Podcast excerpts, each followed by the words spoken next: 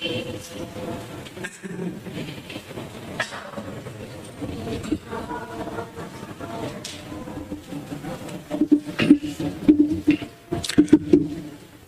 الحمد لله نحمده ونستعين ونستغفره ونعوذ بالله من شرور أنفسنا والسيئات أعمالنا. من يهده الله فلا مضل له ومن يضلل فلا هادي له. أشهد أن لا إله إلا الله وأشهد أن محمدا عبده ورسوله.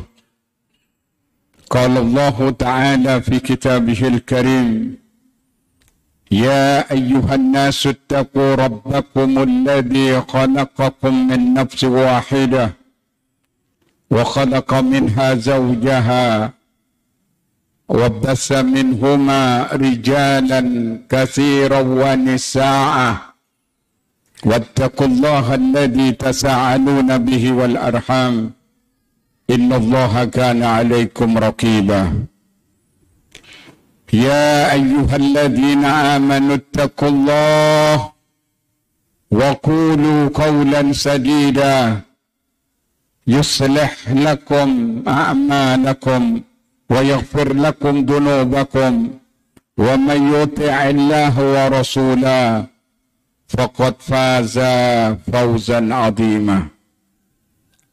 أما بعد فإن أصدق الحديث كتاب الله وإن أفضل الحج حج محمد صلى الله عليه وسلم وسر الأمور محدثاتها وكل محدثات بدعة وكل بدعة ضلالة وكل ضلالة في النار. معاصر المسلمين رحمكم الله. ittaqullah haqqa tuqatih wa la tamutunna illa wa antum muslimun. Sidang Jum'ah yang dimuliakan oleh Allah. Hidup ini tidak abadi. Hidup kita di dunia ini berujung dan berakhir. Sama dengan penghuninya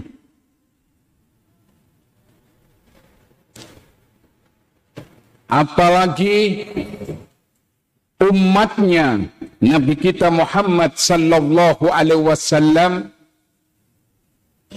diukur dengan ukuran yang sangat singkat. Tidak seperti umat-umat terdahulu. Kita lihat Nabi Nuh alaihissalam. Berapa umurnya? 950 tahun. Nabi Ibrahim, nabi-nabi terdahulu beserta umatnya umurnya cukup panjang, tapi tetap berakhir dengan kematian. Sementara umatnya Nabi Muhammad sallallahu alaihi wasallam singkat. Saking singkatnya beliau menyatakan amaru ummati ma baina sittin ila sab'in wa aqalluhum ma yajuzu dalik. Umur umatku ini hanya berkisar 60, 70. Toh kalau ada yang lebih, jumlahnya sedikit. Bagaimanapun usaha manusia untuk lari dari kematian, maka kematian itu akan menemui. Allah subhanahu wa ta'ala menyatakan dalam Al-Quran, Qul innal mauta alladhi tafirruna min fa innahu mulakikum thumma turadduna ila alimil ghaibi wasyahada fayunabbi'ukum bima kuntum ta'malun sampaikan Muhammad kalau kamu lari dari mati mati akan menemuimu Dan kamu akan dikembalikan kepada zat yang mengetahui perkara gaib dan perkara yang nyata akan dikhabarkan kepadamu apa saja yang pernah kamu lakukan. Kalau kita sudah tahu kontrak umur kita mungkin tidak lama. Bukan soal mati yang kita takutkan. Tapi yang jadi permasalahan setelah mati. Karena setelah hidup ini ada kehidupan yang jauh lebih luas, jauh lebih sempurna Babak baru dari kehidupan yang kedua itu kehidupan yang sebenarnya. Yang Allah katakan khairun wa abqah.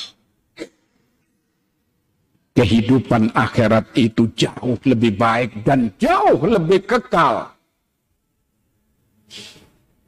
Maka orang yang pandai, orang yang cerdas, adalah mereka yang mempersiapkan bekal menghadapi mati sebelum mati. Nabi kita Muhammad sallallahu alaihi wasallam menyatakan al-kayyis man dana nafsahu wa amila lima ba'dal maut wal ajiz man adba'a nafsahu hawa wa tamanna ala Allah. Orang pandai itu adalah orang yang sanggup menundukkan hawa nafsunya. Mempersiapkan bekal menghadapi mati sebelum mati. Sementara orang yang bodoh, orang yang lemah, adalah orang yang mengumbar hawa nafsunya dan dia cuma angan-angan. Angan-angan, angan-angan tanpa bukti amalan. Ini orang bodoh digambarkan seperti seekor lembu yang dibawa ke tempat penjagalan. Antum melihat ya, sapi yang dibawa ke tempat penjagalan ini, dia tenang-tenang saja. Dia masih mungkin sempat makan rumput, guyonan dengan yang lain. Padahal dia melihat temannya disembelih, diboleh. Tapi dia biasa-biasa. Orang yang tidak mengingat mati itu seperti sapi. Maka mengingat mati ini hukumnya bukan sunnah. Tapi wajib. Sebagaimana Nabi menyatakan dalam salah satu hadis yang sahih.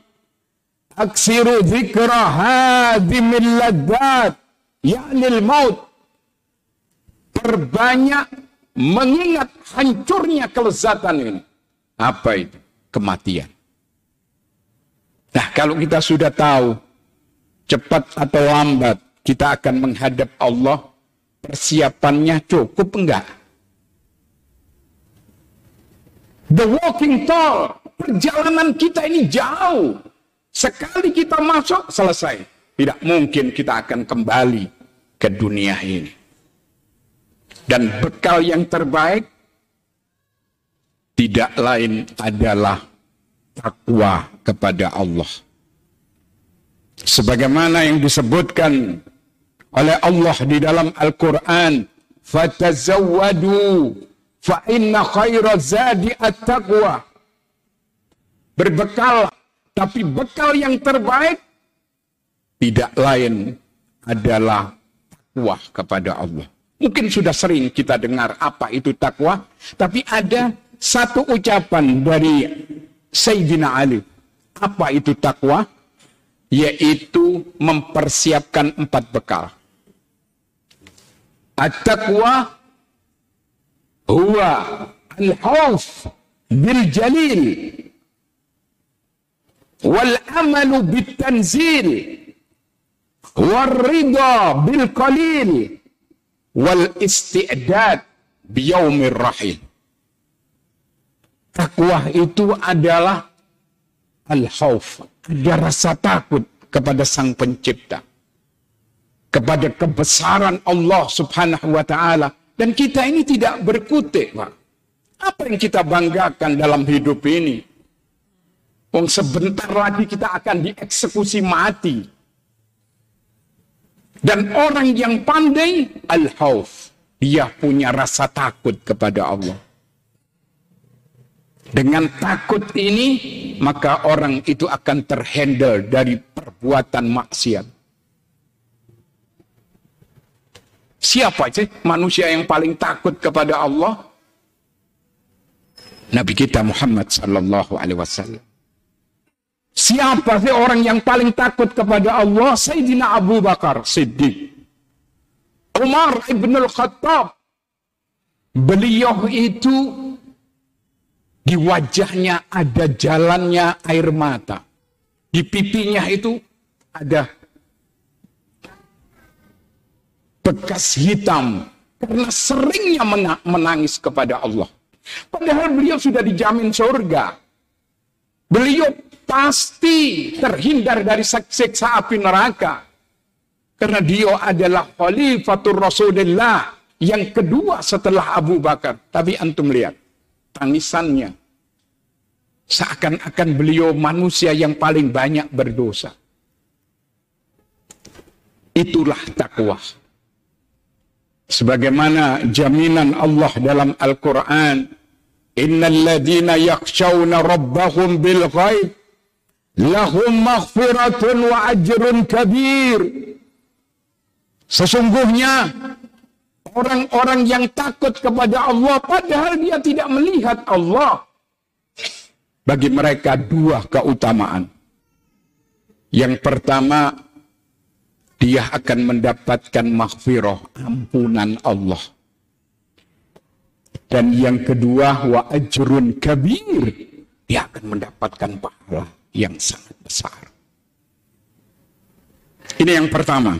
Kemudian yang kedua, wal amalu bitanzil. Orang yang takwa itu adalah mengamalkan apa yang telah diturunkan oleh Allah berupa Al-Quran ini. Sebagian orang sekedar membaca. Bahkan sebagian lagi orang tidak pernah membaca Al-Quran padahal dia muslim. Hanya kalau ada orang mati, ada kemanten, Padahal setiap hari kita dianjurkan untuk membaca Al-Quran dengan tadabbur, tafahum, dengan memahami, dengan menghayati. Yang kata Nabi Al-Quran, syafi' musaffa' wa mahilun musaddaq, faman ja'alahu imamahu qadahu ilal jannah, wa man ja'alahu khalfahu saqahu ilal nar. Al-Quran ini akan memberikan syafaat, akan diterima syafaat seseorang.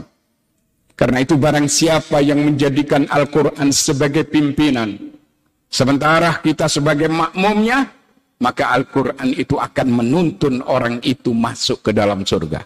Tapi barang siapa yang menyelisihi Al-Quran, nggak pernah dibaca, atau mungkin dibaca tapi isinya diinjak-injak, maka Al-Quran itu akan menyeret orang itu masuk neraka. Kedua, kemudian yang ketiga, warido bil kolin.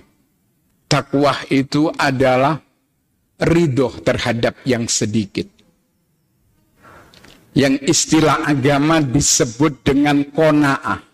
Neriman ing pandum. Merasa puas terhadap pemberian Allah.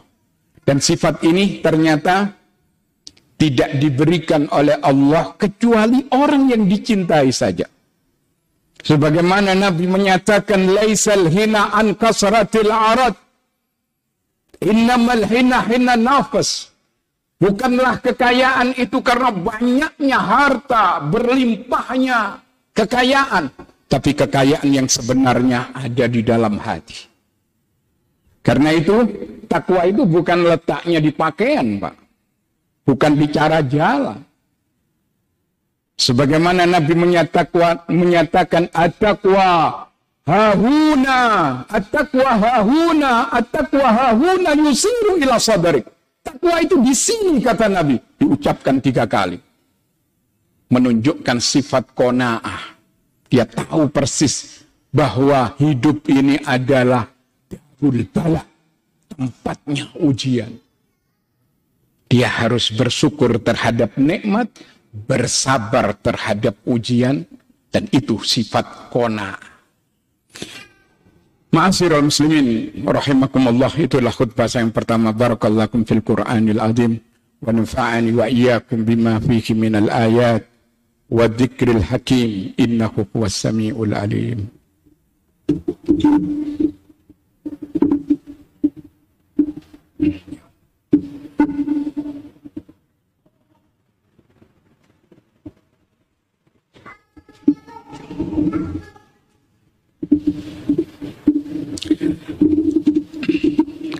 حمدا كثيرا طيبا مباركا فيه.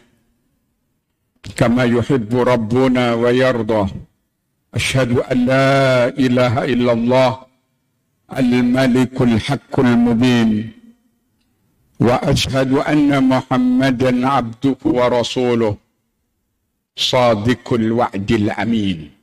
قال الله عز وجل فاتقوا الله ما استطعتم واسمعوا wa anfiqu khairan li anfusikum wa may yuqassuha nafsihi fa ulaika humul muflihun. Ma'asirul muslimin rahimakumullah sebelum kami tutup dengan doa bahwa takwa itu adalah wal istidad biyaumir rahil Mempersiapkan bekal untuk hari kemudian. Ada satu ucapan dari Sayyidina Ali. Dan ucapan ini perlu kita renungkan. Karena kita hidup di dunia ini sekedar ngampung ngiyup, Pak. Setelah itu akan kita tinggalkan untuk selamanya.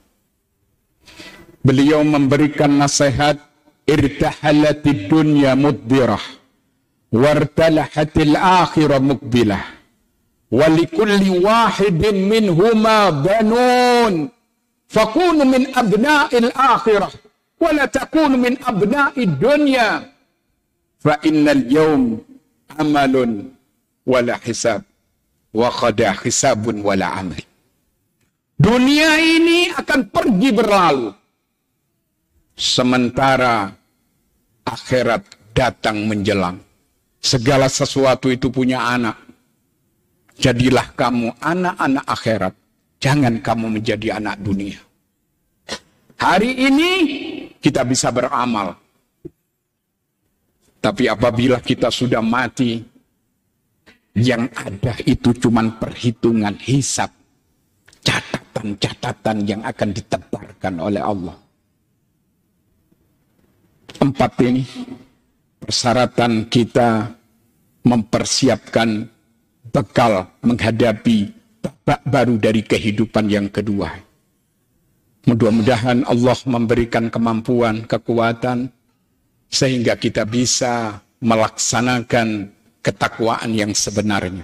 Kita berdoa Bismillahirrahmanirrahim. Allahumma salli ala Muhammad wa ala ali Muhammad. كما صليت على إبراهيم وعلى آل إبراهيم. وبارك على محمد وعلى آل محمد كما باركت على إبراهيم وعلى آل إبراهيم في العالمين إنك حميد مجيد. ربنا اغفر لنا ولإخواننا الذين سبقونا بالإيمان. ولا تجعل في قلوبنا ghilla lilladina amanu rabbana innaka raufur rahim Allahumma ya Allah ampuni dosa-dosa kami semuanya. Dosa-dosa orang-orang yang beriman yang telah meninggal maupun yang masih hidup. Allahumma ya Allah arinal haqqa haqqan warzuqna tiba'ah wa arinal batila batilan warzuqna tinabah Ya Allah, tunjukkan yang baik itu baik. Dan berilah kami rezeki untuk sanggup melaksanakan. Allahumma ya Allah, tunjukkan maksiat itu maksiat. Dan berilah kami rezeki untuk sanggup menjauhinya. Rabbana atina fid dunya hasanah wa fil akhirati hasanah wa qina adzaban nar. Ibadallah, إن الله يأمر بالعدل والإحسان وإيتاء ذي القربى وينهى عن الفحشاء والمنكر والبغي يعظكم لعلكم تذكرون ولذكر الله أكبر.